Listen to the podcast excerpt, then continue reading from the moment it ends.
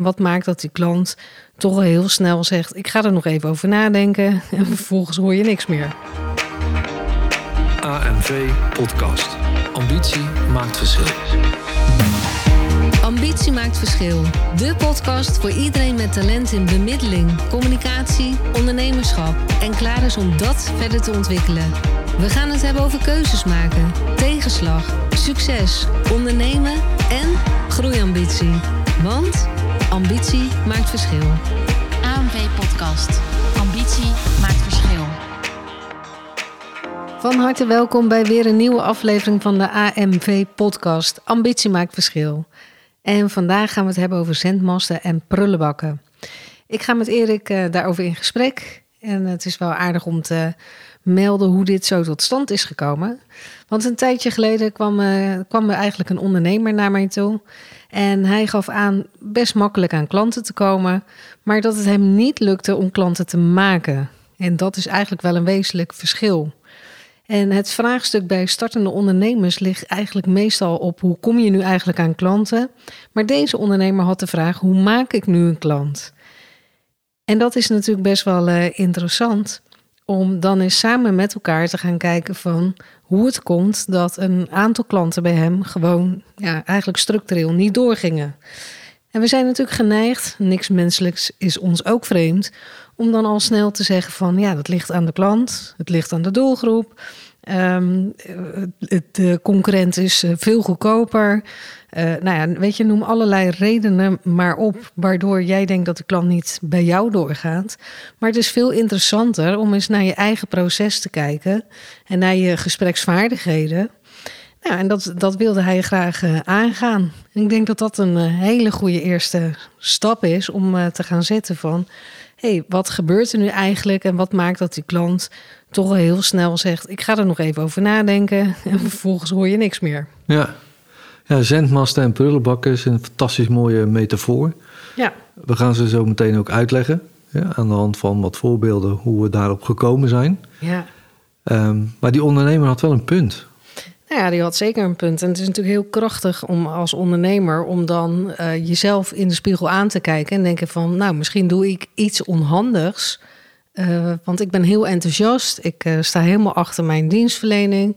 En toch lukt het me gewoon niet. Ja. Was ook een heel gepassioneerde ondernemer. Ja. Kon fantastisch vertellen hoe die, ja, waarom dat hij werk deed, hoe dat hij deed. Ja. Maar daar zat ook meteen de crux. Ja, daar zat eigenlijk meteen zijn valkuil. En ja, wat is er dan het meest handig om, om gewoon eens met iemand te sparren van... joh, maar wat kan ik nu eigenlijk beter gaan doen? Ja.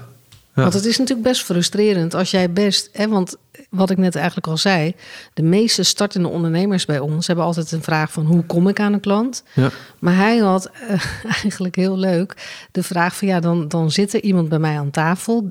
Die zit daar natuurlijk niet voor niets... En dan gaat het niet door. Dus zijn vraag was: hoe maak ik een klant? Ja. ja, hoe maak ik een klant? En uiteindelijk bleek ook dat de vraag zat: hoe maak ik een beter netwerk? Want, oh ja, ja. want die twee dingen die hebben heel veel met elkaar ja. te maken. Ja. Um, maar hij had uh, een prima campagne lopen op het internet. Hoe hij aan klanten kon komen. Ja, en, en dat, liep, dat liep eigenlijk best wel, uh, nou, best wel goed door. En hoe kwamen we nu eigenlijk op die vraag? Want wij stelden aan die ondernemer van oké, hoe maak ik dan een klant? Hè? Dus eh, we zijn toen door zijn proces heen gelopen. Hij kreeg dus vrij makkelijk eh, klanten aan tafel. Ja. Ehm, maar die kwamen dus af op zijn website. Ja, zijn, zijn website is eh, nou ja, heel aansprekend, eh, eh, denk ik. Nee, weet ik. Dus daar zit hij niet. Dus die klanten druppelden ook wel bij hem binnen. En nou ja, wat, wat ik zei, vervolgens haakten ze toch ergens in het proces af. En ik heb hem toen de vraag gesteld van... maar merk je dit nu eigenlijk alleen binnen jouw werk... eh, op het moment dat je met die klant aan tafel zit? Of merk je dat ook als je in gesprek gaat met...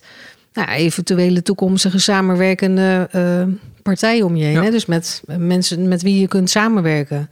En hij zei van ja, dat, dat is wel interessant dat je dat vraagt... Eh, want daar merk ik het ook. En, Ja. en dat is natuurlijk heel vaak zo. Het is nooit geconcentreerd op één punt. Hè? Dan Nee. moet je dat ergens anders in het, nou ja, waar dan ook in je leven ook gewoon herkennen. Ja. En die ondernemer gaf ook aan van ja, ik heb eh, in mijn beleving prima gesprekken. Ja.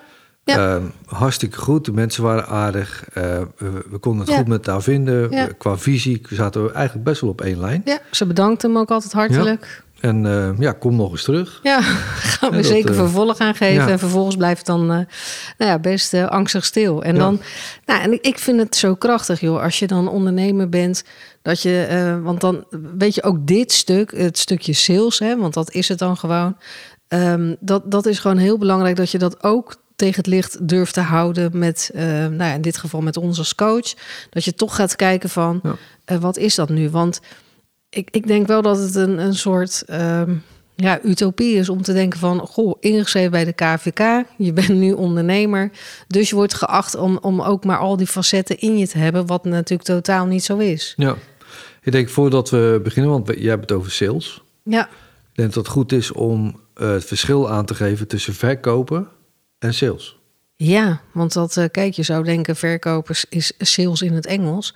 maar wij, wij benaderen dat toch op een andere manier. Ja.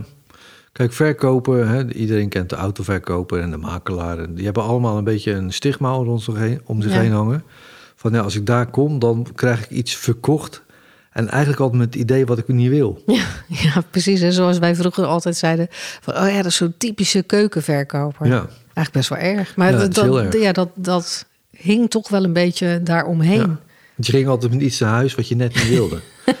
en, en, Ja. en dat is het gevoel van verkopen, dat hebben heel veel Nederlanders bij zich. Ja, ja je Eh. bent al heel bang dat je iets verkocht krijgt... wat je eigenlijk niet wil, maar dan weet je niet zo goed hoe je dan nee moet zeggen. En dan, ja, dan ga je er toch maar weer in. Ja. En, eh, en sales, dat is veel breder. En daar trek je eigenlijk gewoon veel meer naar de klant zelf. Ja, Je proces, je dienstverlening, alles is afgestemd om het die klant zo goed mogelijk eh, ja, jouw proces te laten volgen. ja. ja. En dat is eigenlijk veel prettiger, want die, kan, die klant kiest daar veel meer zelf voor. Nou ja, dat, dat, dat is het. Hè. En kijk, wat wij altijd zeggen, stop met verkoper, eh, met verkopen en je verkoopt vanzelf. Als niet Ja. je doel is om te verkopen. Precies. En dat betekent dat je een aantal dingen moet je goed op orde hebben. Eh eerst is focus. Dus je, je Ja. kies je niche. Hè. We roepen dat altijd heel vaak. Hebben we nu zelf ook gedaan. Dat heeft ook wel weer eh, eh, Effect. eh, effect Ja. gekregen. Ja, en heel veel positieve, leuke reacties. Ja, precies. Dat, En- want dat Ja. verraste mij eigenlijk nog het meest. Maar dat is wel belangrijk dat je focus en niche hebt. Dat je precies weet van nou, oké, welke werk vind ik leuk. En welke klant wil ik eigenlijk aan mijn tafel hebben. Ja, Nou, deze ondernemer had dat ook prima voor elkaar. ja, ja hij wist exact zijn doelgroep. En eh, hij kon dat loopzuiver vertellen. Hij was heel enthousiast, bevlogen. Maar, maar goed, eh, we zijn met hem in, eh, in gesprek gegaan. En we hebben gezegd van nou, weet je, laten we met elkaar eens zo'n gesprek opzetten. Om te kijken van ja, wat gebeurt er dan in dat proces? En ja, en toen kwamen we er eigenlijk al heel snel achter. Ja, En, en even, want dan gaan we natuurlijk zo uitleggen. Maar wat ik eigenlijk achteraf heel erg leuk vond aan hem, was dat hij zei van, ja, dit zou zo'n leuk onderwerp voor een podcast zijn. Dus Ja. vandaar, Ja, vandaar vandaar dat, dat we deze. dat hebben we ook opgepakt. Ja, Dus dat hebben we opgepakt. Dus ja, als je luistert, weer heel leuk. En dankjewel voor alle waardevolle input ook. Hè, want En ook inspiratie wij- vooral. ja, en inspiratie vooral. Want ook Ja. wij leren hier weer van. Maar goed, we gingen met hem in gesprek. Ja, van ik maak een klant. Hè, dus hij had totaal geen moeite met koude acquisitie. Nee, Of met Nee. contact leggen met klanten. Nee. En op het moment dat de klant bij hem aan tafel zat...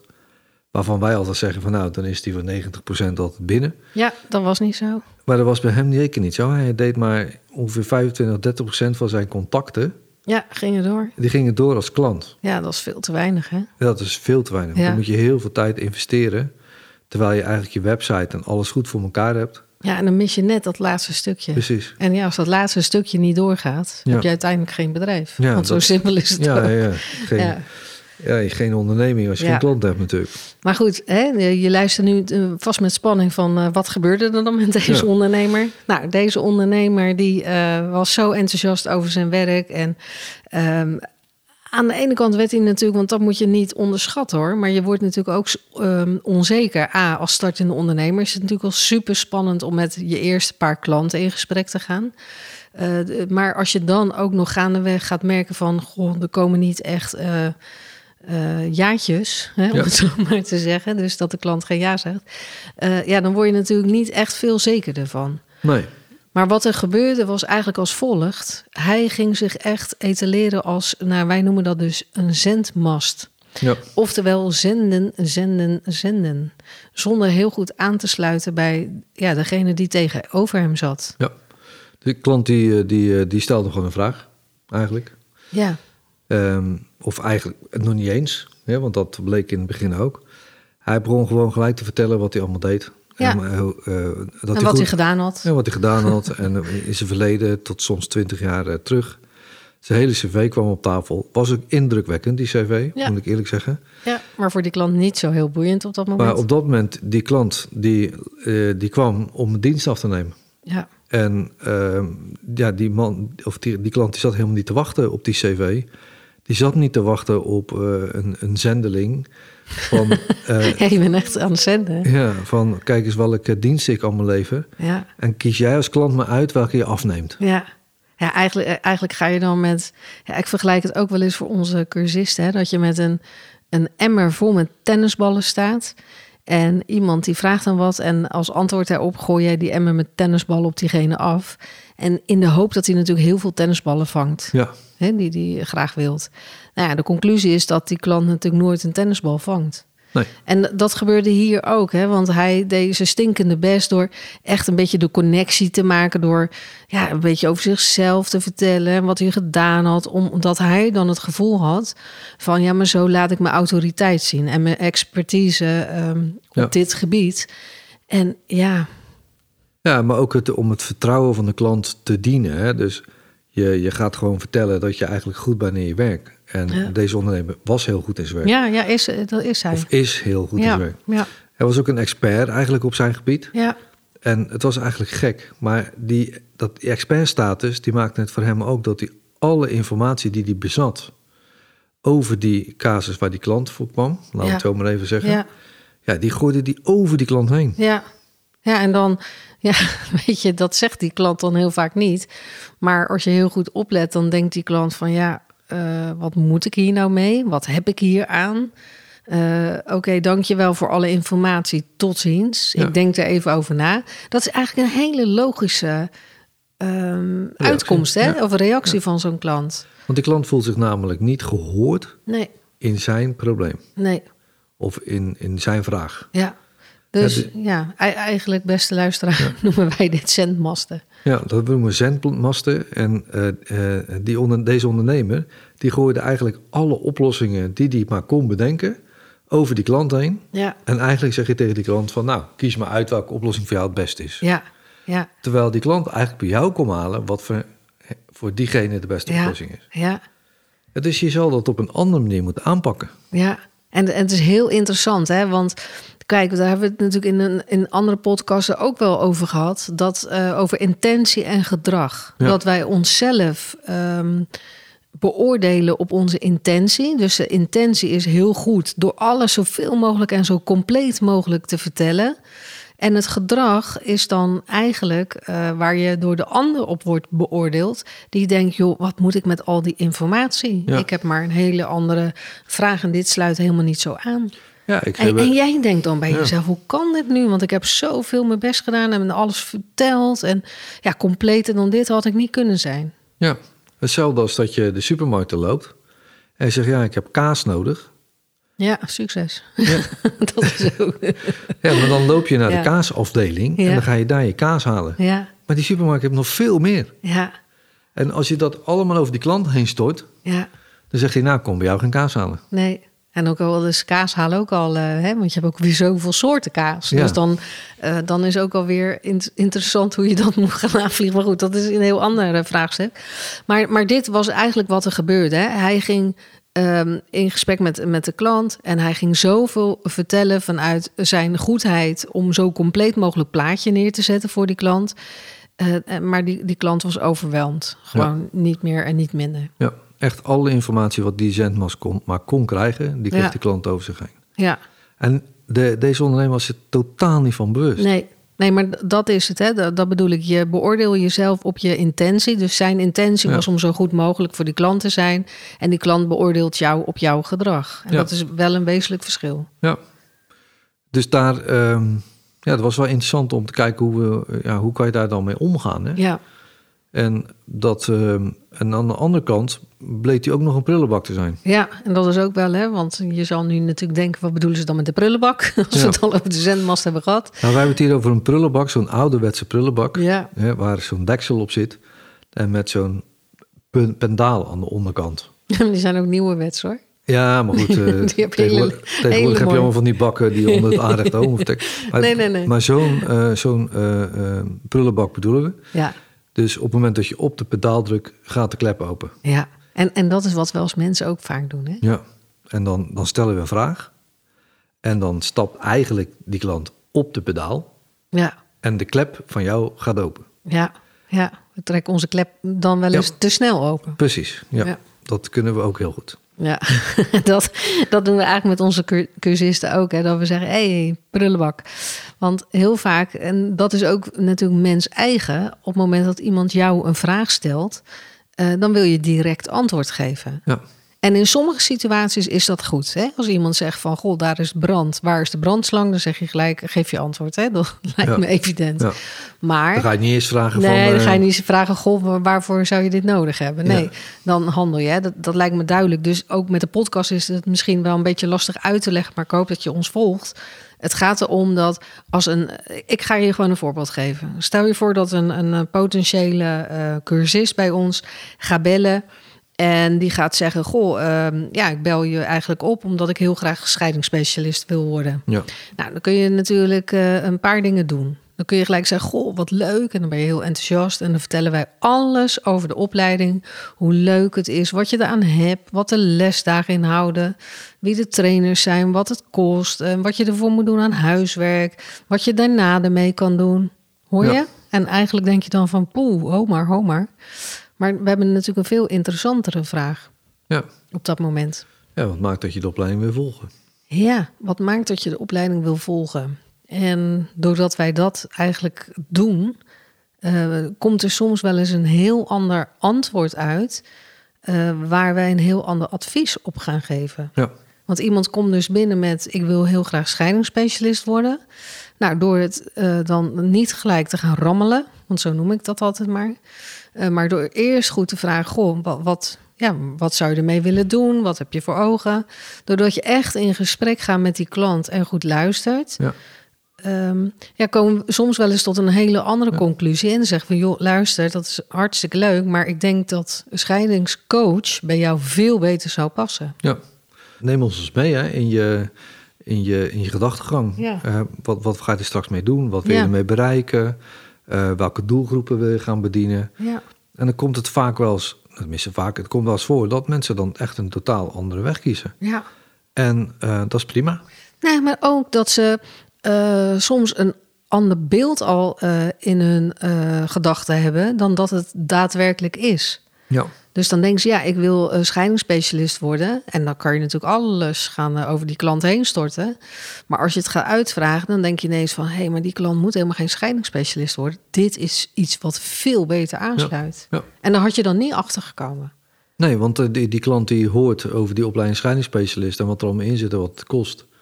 Ja, dat, eh, dan hang je eigenlijk de telefoon op. Ja, En dan ben je misschien ook wel die eh, potentiële deelnemer gewoon kwijt. nou ja, die kan al denken, jeetje, dat is wel heel veel. Ja. Ik weet niet of dit nou zo goed bij mij Ja. aansluit. En eh, nou, ik ga er nog even over nadenken. Nou, Ja. van uitstel kom afstel, we kennen het allemaal. Ja, Dus dat, ja, dat is zo zonde. Dat, en dat noemen we dan eigenlijk het prullenbak-effect. ja het prullenbak. Dus je, je, je vraagt en, en wij draaien. Ja, Dat dat, wilde ik. Wel leuk dat je dat zegt, want dat wilde ik zeggen. Vroeger noemden wij dat u vraagt, wij draaien. Ja, En, of we zeiden ook wel eens van, jij zegt spring en, en de ander zegt hoe hoog. Ja. Weet je wel? Dus, maar goed, wij noemen het nu even de prullenbak-effect. nou, ik denk dat de kern eh, ook zit in eh, interessant of geïnteresseerd zijn.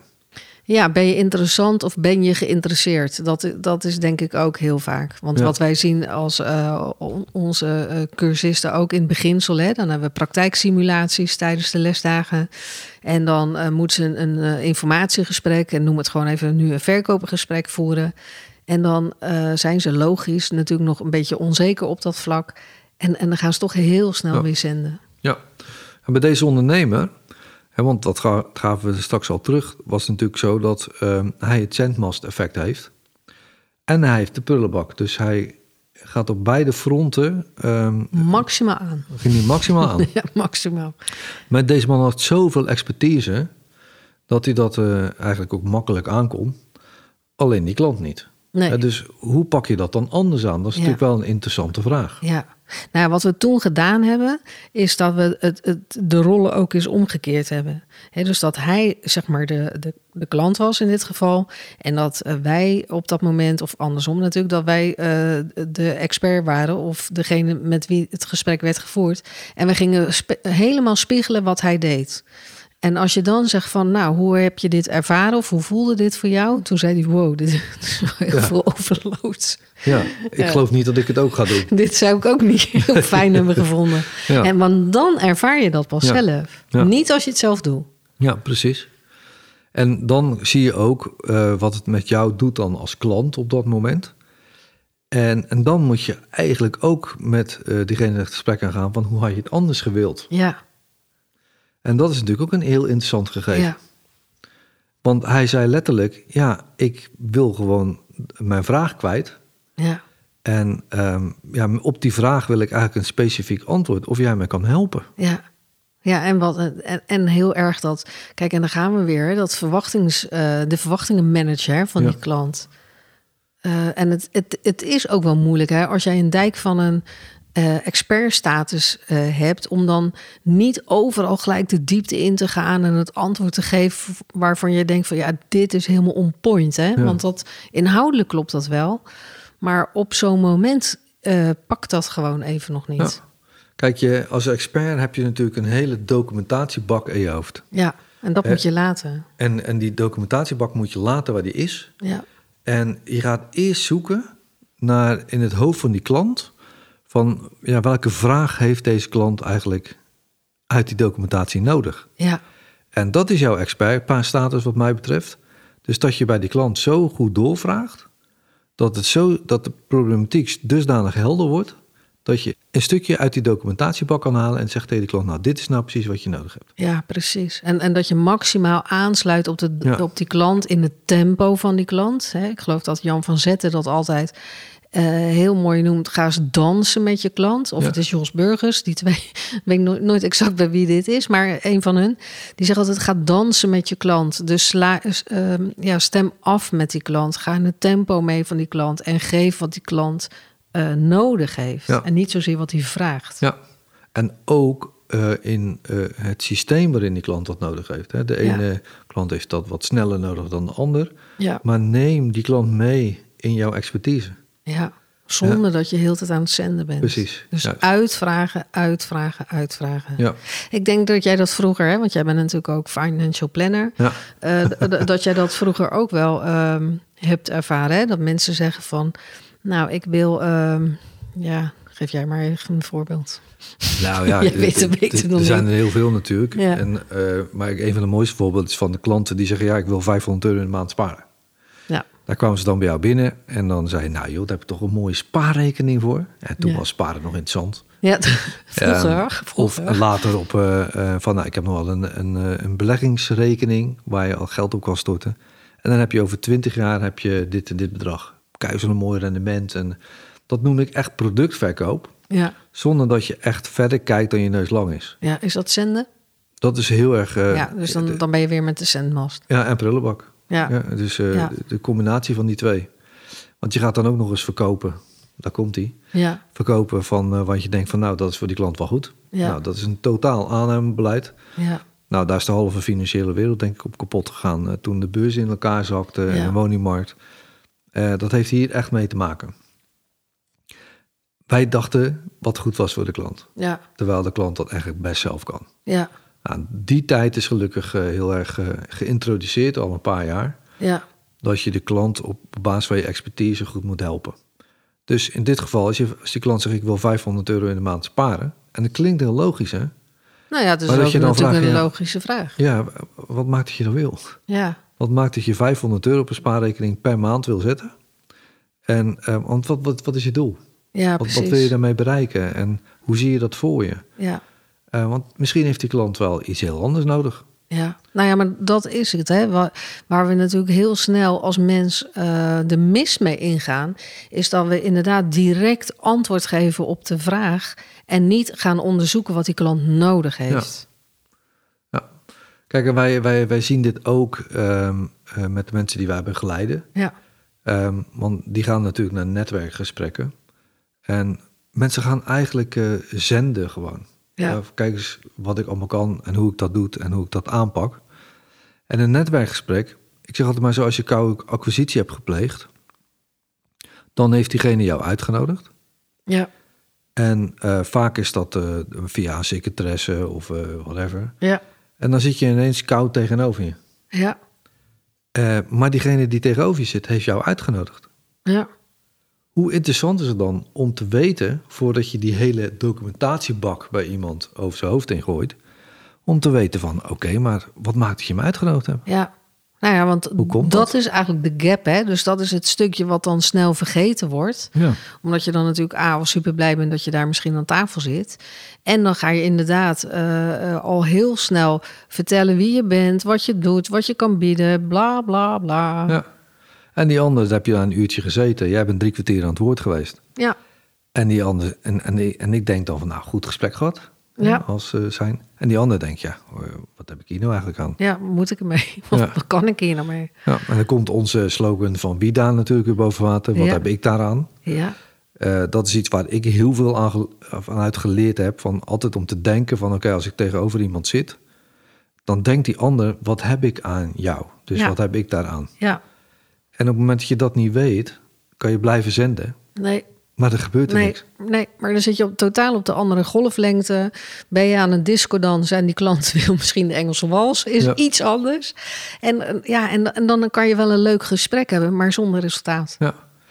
En de laatste tijd geven we hier echt heel veel training over. Ja, Ja, ook binnen grote organisaties. ja, Gewoon simpelweg hoe je een goede vraag stelt. ja. Ja, want weet je, wij zeggen natuurlijk altijd communicatie is verificatie. Hè? Ja. En niets is zo moeilijk als communicatie. Want we zijn natuurlijk als mens ook gewoon heel snel geneigd om autobiografisch te luisteren. Ja. Dus we kennen allemaal wel dat je tegen iemand eh, aan het praten bent. En dat die ander dan alleen maar even wacht totdat jij een adempauze neemt. En, en dan zeg je van, oh ja, maar dat had ik laatst ook, want bla bla bla. En dan Ja. val je eigenlijk al helemaal in je eigen verhaal. Zo gaat Ja. dat. Ja, maar mensen ehm, hebben dan wel verbinding met elkaar, want ze hebben een eensluidend eh, ehm, ja, ervaring opgedaan. Ja, ja, maar toch is het wel vervelend. Want het, eigenlijk autobiografisch luisteren is eh, eigenlijk dat je heel snel... ehm, ja, hoe zeg ik dat nou eigenlijk? De ruimte Ja. inpikt, hè? Ja. Dus het gesprek overneemt. Nou ja, autobiografisch luisteren betekent dat je luistert vanuit je eigen perspectief. Ja, En dat is ehm, altijd op basis van de aanname. ja, En het eh, reflectief luisteren, hè, dat aan de andere kant eh, zit in het hoofd van degene die tegenover je zit of waar je het gesprek mee hebt. Ja. Om eens daadwerkelijk te kijken van ja, wat, wat beweegt diegene nu? Nou ja, en, en, en je bent natuurlijk, hè, wat, dat zien we natuurlijk ook heel vaak, eh, ook even in het werkveld, dat mensen ook nogmaals vanuit hun goede intentie, laat ik dat echt vooropstellen, maar dat ze ongevraagd advies gaan geven hè, van, eh, eh, weet je wat ik zou doen? Of nou ja, als je het mij vraagt. Of Ja. joh, Als ben ik je in jouw gek, joh? situatie Als ik in jouw situatie zou zitten dan. Of joh, het is toch simpel, dan moet je zo oplossen. En da- daar gaat het niet over. Hè? Nee. Want eigenlijk, eigenlijk mis je dan gewoon zo'n essentieel stuk in je gesprek. En, en de ander denkt, oh ja, nou oké. En eigenlijk loopt dat gesprek dan al een beetje nou, op zo'n doodlopend weggetje. Ja. En wij, mensen die wij trainen, zeggen altijd van als je een uur met, een, met iemand in gesprek gaat, zorg ervoor dat iemand gewoon 50 minuten aan het woord is. Ja, en goed weet wat hij aan, aan het vertellen is en wat, wat hij nodig heeft. Ja. Dat jij eigenlijk aan het eind alleen maar hoeft te zeggen, nou, dat is nou precies wat ik doe. Nou ja, precies dat. Hè? Dus eigenlijk, ehm, want wij hadden even dit, dit korte traject met deze ondernemer. En hij zegt, joh, dat is eigenlijk wel een heel leuk, ehm, of eh, eigenlijk wel een heel goed onderwerp voor jullie podcast. Ehm, want dit doen vast meer mensen. Nou, gelukkig, hij was zeker niet de enige.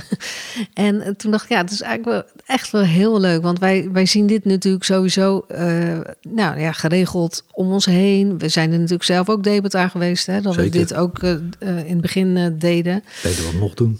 Ja, zeker. En eh, dat, ja, dat is misschien ook wel even een, learning van jezelf.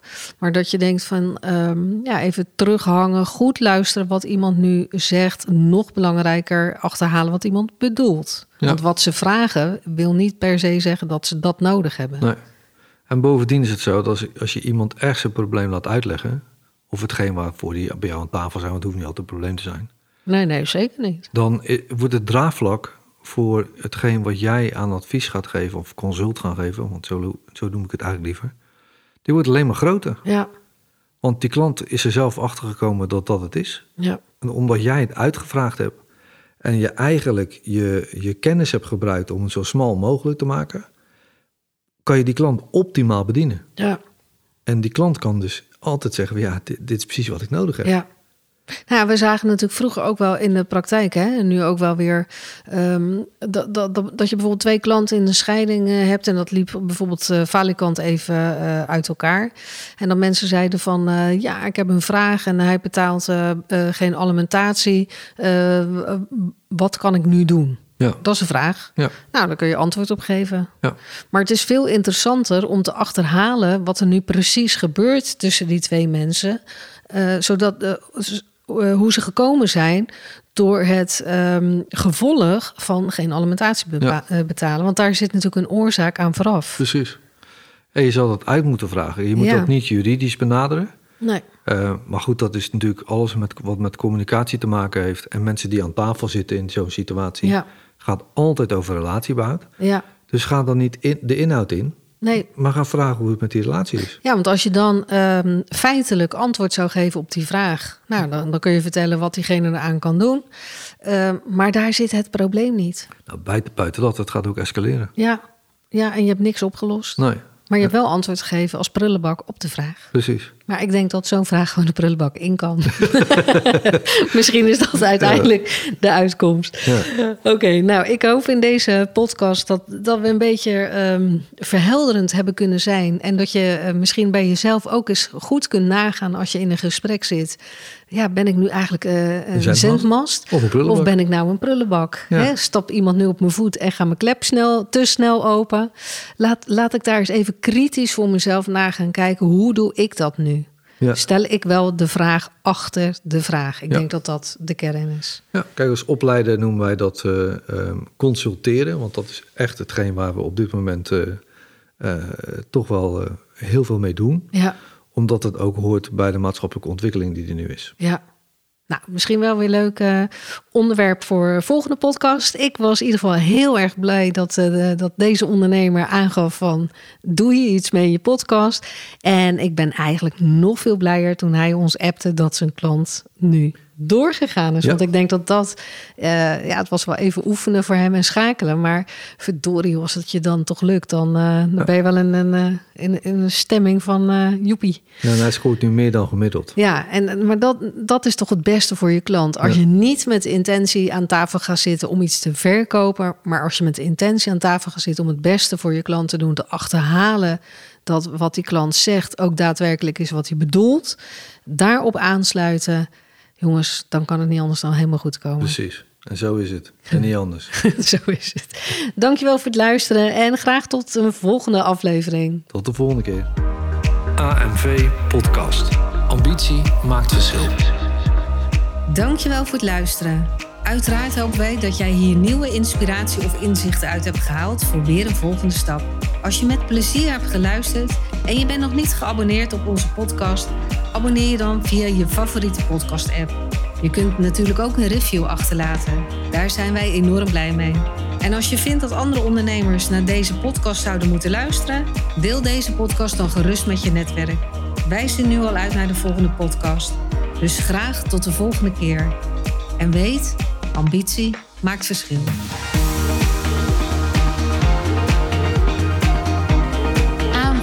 podcast. Ambitie maakt